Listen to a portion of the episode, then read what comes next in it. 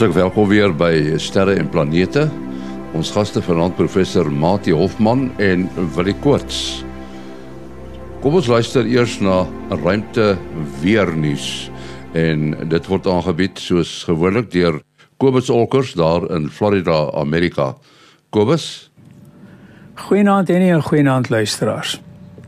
Ja, die son is weer lekker besig hierdie week. Kom ons kyk wat het ons alles te sien. Die uh, eerste ding is uh, 'n baie groot magnetiese area uh op die noordelike halfrond van die son. Hy hy was reeds teen donderdag nie, hy ek ook. Teen dinsdag was hy reeds al geo-effektief geweest en hy het 'n paar fakkels afgegee. Koronamassa uitbarstings. Ehm um, wat reeds teen donderdag vir ons 'n bietjie magnetiese versteurings gegee het hier op aarde. Niks om oor huis toe te skryf nie, maar ons langafstand luisteraars het wel deeglik daarvan geweet.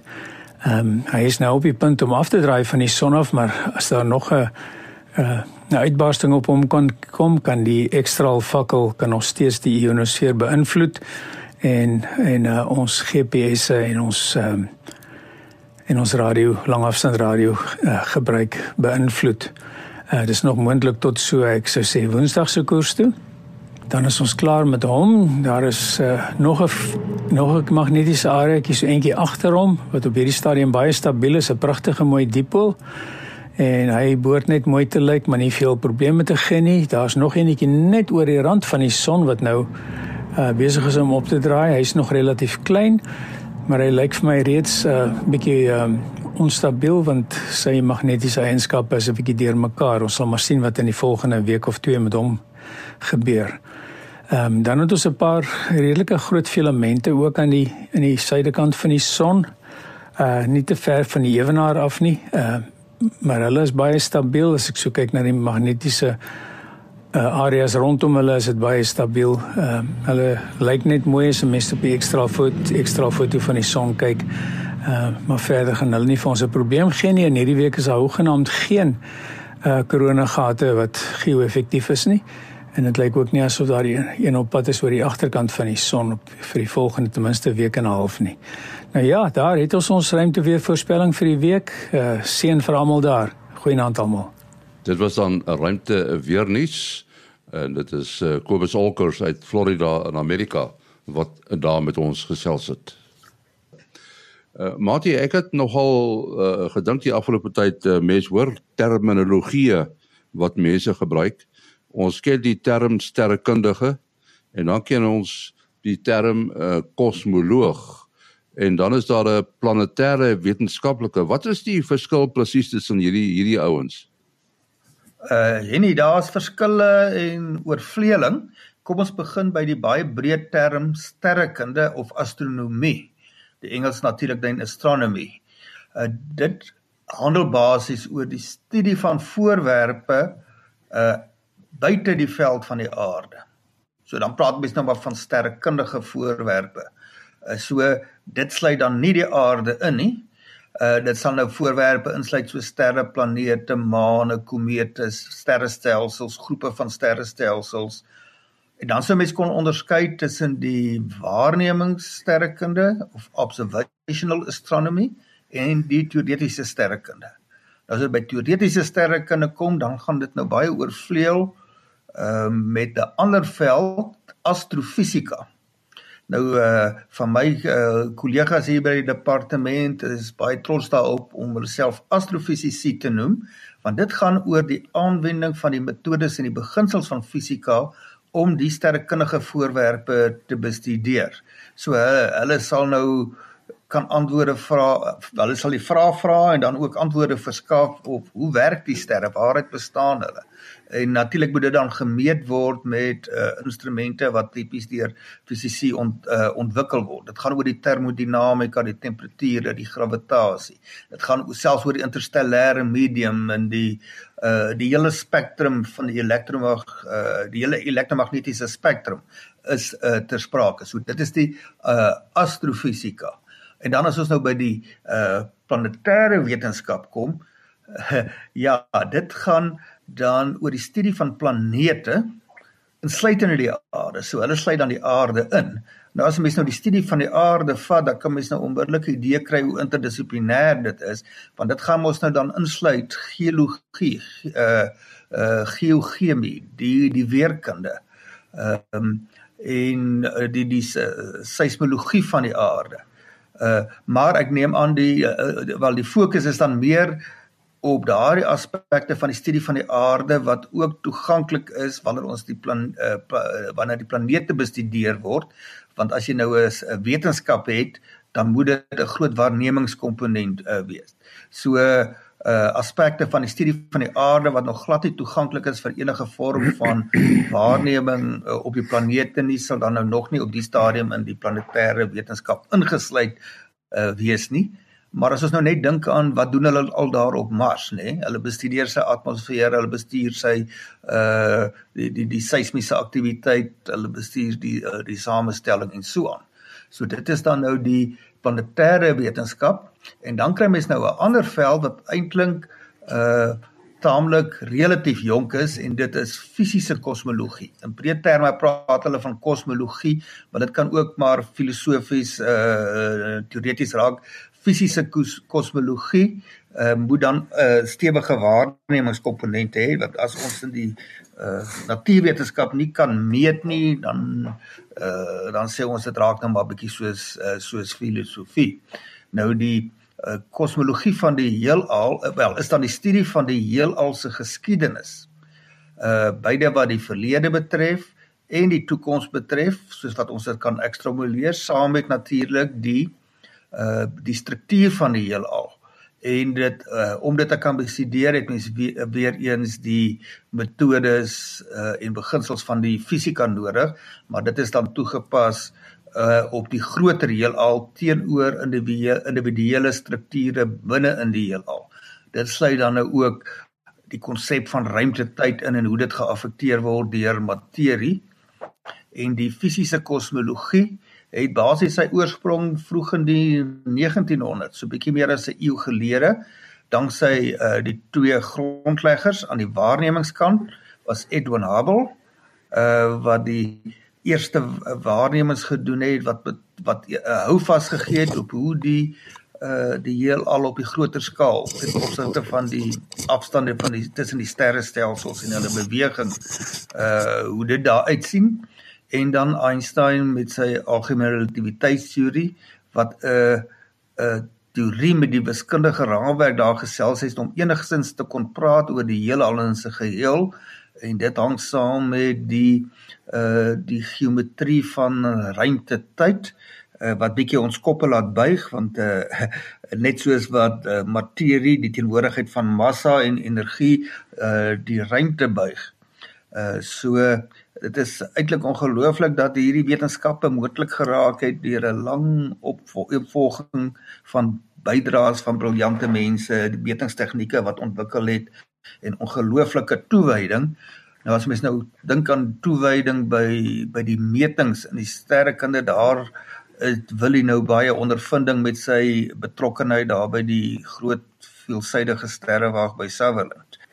Ja, dit is interessant as uh, soos jy nou sê uh om te hoe hoe sê hulle om om te meet is om te weet nê nee? dit is in baie wetenskappe en en dit is ook presies ja as 'n mens ook nou 'n bietjie terugdink aan die 100 jaar terug of so uh, selfs langer 2 300 400 jaar Galileo se tyd was dit meer astrometrie as in Engels praat hulle van astrometry en en en die die sterrekundige van daai tyd was was iemand wat ehm um, uh, weet die afstande na die hemelliggame gemeet het en en uh, eintlik so een van die moeilikste vrae in sterrekunde om te beantwoord. En omtrent 'n uh, eeu gelede soos jy nou sê het het astrofisika begin begin inkom wat die wat die fisika die fisiese prosesse drukke temperature uh, snelhede uh, van die van die sterre wat jy wat jy dit kan meet en en die meeste sterrekundiges hier by ons is ook maar uh is is ook maar uh, van van daai tipe dinge. In in die 34 jaar wat ek nou hier by die sterrewag uh, is, het ek selfs 'n verskil gesien evolusie as jy dit sou wil stel van uh hoe sterrekunde hier verander het in die klompie jaar. In die begin was dit almal prakties elke sterrekundige wat ons gehad het was uh van die van die praktiese tipe wat wat metings kom doen het en en hulle hulle hulle uh, verhandelinge daar daarvan geskryf het en um, daar was selfs mense wat sonder doktorsgrade wat dan net as sogenaamde diens uh, uh waarnemers service observers uh, diens gedoen het en en vir ander mense vir ander sterrekundiges uh, observasies gedoen het. En en natuurlik met die koms van SALT het daar 'n groot verskywing gekom in die hele klem van hoe sterrekunde gedoen word omdat SALT eh, is hierdie geweldige nuwe instrument baie baie lig kan versamel met 'n hele stel uh instrumente wat allerhande goed kan meet. En en selfs daar moes die moes die sterrekundiges al heeltemal hulle hulle hulle kop omswaai. En op hierdie stadium is ons besig met 'n baie interessante projek wat hulle noem die intelligente op op uh, sterk of sterwa intelligent observatory. En hierso begin jy want ons weet natuurlik daar's baie satelliete uh wat natuurlik waarnemings doen. En satelliete is goed wat vir jou goed kan meet wat jy nie eers van op die van die aarde af kan waarneem nie wat deur die atmosfeer afgesny word.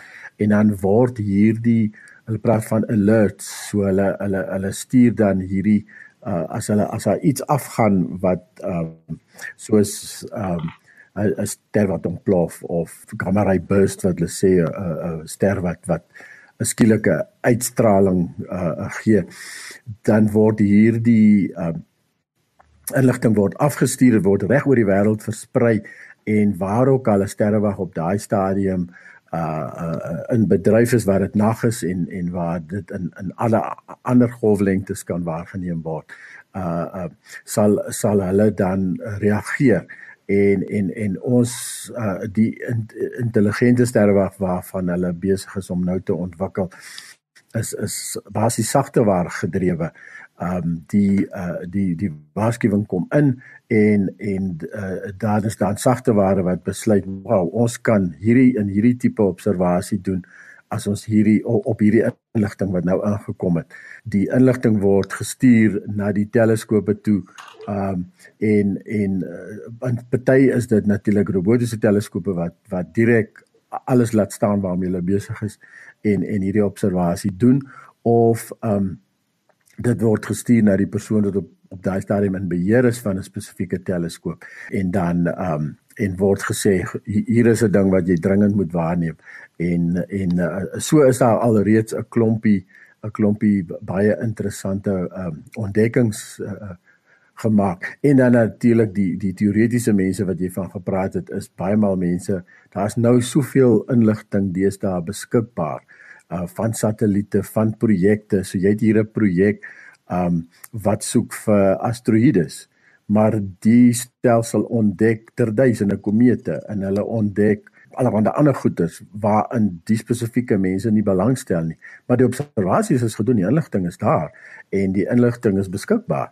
En en daar so daar sterrekundiges wat nooit in sy hele lewe eers hoef by 'n teleskoop uit te kom en en 'n hele loopbaan op op daardie tipe inligting kan bou daar's nog uh, uh, een terminologie wat ons dalk net moet uh, uh, moet oor uh, uh, uitklaar en uh, luisteraars van moet kennis neem. Uh, kyk ons praat nou van sterrekunde of astronomie. Maar nou as ons van astronomie praat, dan is daar nou 'n ander veld wat astrologie genoem word. Maar astrologie is nie 'n wetenskap nie, dit is maar 'n 'n geloofsraamwerk of 'n bygeloofsraamwerk as mens dit so kan noem. Dis glad nie 'n natuurwetenskap nie, maar mense onderskei selfs in die media eh, is nie so goed op hoogte nie en hulle sal baie keer na 'n astronoom as 'n astroloog verwys en dit maak die astronome baie ongelukkig en hartseer of feitelik kwaad.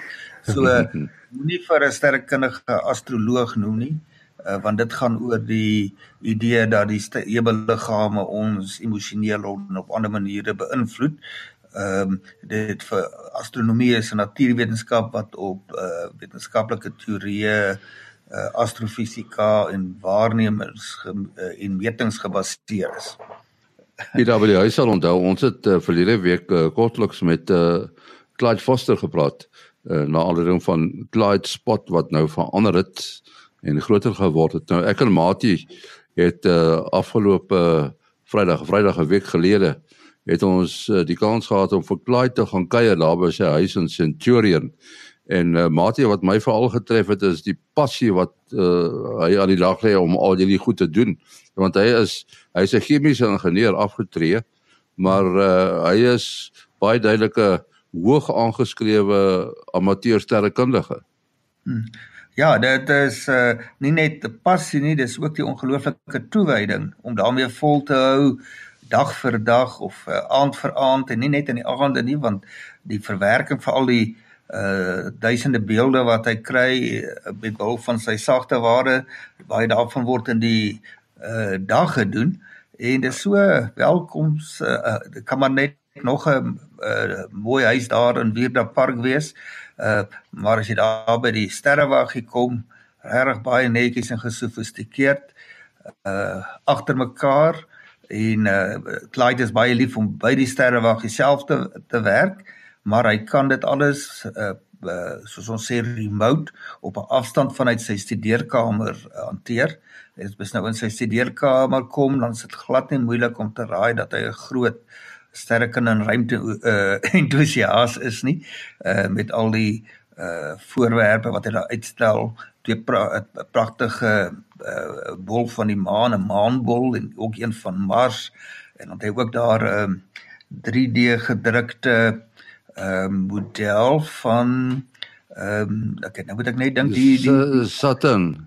Die Saturn 4 pyl nie Nee nee nee, ja, daar's die groot Saturn uh, vierpyl, maar die uh uh die tuig wat daar om Jupiter wentel, die Juno tuig.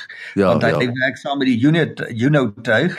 Ehm um, en hulle uh, bestudeer onder andere uh die uh Clyde spot wat hy ontdek het wat nou onlangs weer groter geword het. En nou te, in aansluiting wat ons vooroor vroeër oor gesels het, uh Clyde is nou 'n waarnemer 'n uh, uh, spesialis waarnemer van die van die gasreuse in hoë resolusie met die uh, uh die die die op mekaar stapeling van 'n honderde beelde om dit baie skerp detail te gee of die uh, image stacking soos wat hulle dit in uh, Engels noem. En nou uh dis nou nie net mooi beelde nie. As jy nou gaan kyk na daardie stelsels, hy kon dit daar vir ons uitlê op die skerm. Uh wat daardie pragtige patrone in Jupiter se atmosfeer uh beteken in terme van die jetstrome en hmm. die uh, en die turbulensie wat ontstaan daar waar die uh, jetstrome wat in verskillende rigtings beweeg. En uh so daar's geweldig baie uh uh, wetenskap daarin om daardie sisteme te probeer verstaan en hoekom uh, sekere van die van die storms of wolkpatrone uh, na kortruk verdwyn en ander het 'n lang lewe soos die die beroemde rooi kol wat al vir eeue bestaan dit het wel in ons leeftyd aansienlik kleiner geword maar daar's nie aanduidings dat dit gaan in die nabye toekoms verdwyn nie en dit is 'n enorme uh storm daar in Jupiter se atmosfeer. Ja, wel hier is nou 'n vraag wat in jou kraal pas. Kom van Wessel Cronje af. En uh, dit lê so, hy sê die groot radioteleskope soos die SKA saamgestel deur 'n klomp kleiner antennes en elkeen ontvang dieselfde sein en stuur dit na 'n sentrale punt. Die tyd wat dit vir 'n sein neem van die een antenne na die sentrale punt toe en die tyd wat dit vir dieselfde sein sal neem van 'n ander antenne na die sentrale punt gaan verskil. Nou wil jy weet is daar baie antennes. Hoe maak 'n mens om te verseker dat die syne almal gesinkroniseer is? Maar dis maar eintlik maar dieselfde wat uh, met met uh, met salt gebeur, né? Nee? Ja, tot 'n mate so salt soos jy sê dit 91 uh segmente saamgestelde spieël in plaas van 'n van 'n spieël wat wat uh, 11 meter groot is. Uh aan mekaar sal 'n baie swaar en lomp stuk gras wees om om dit te doen so dit is glad nie so maklik nie. Um in in sulke geval kyk die, die teleskoop natuurlik uh direk vir die voorwerp. So daar's nie 'n groot tydsvertraging nie. Jy kry natuurlik dit byvoorbeeld met die Keck teleskope. So die Kecks is is 'n paar, ek's 4 teleskope as ek reg het wat ehm um, wat wat dan ook ehm um, langs mekaar staan. Hulle staan nie te ver uit mekaar uit nie. En en uh um, maar selfs as hulle dan na iets kyk in die lig uh wat nou nie heel reg bo sit nie uh is daar 'n effense effense ons praat eintlik van 'n faseverskywing want dit is so min uh tussen wanneer die sein by die eerste teleskoop en by die laaste teleskoop aankom.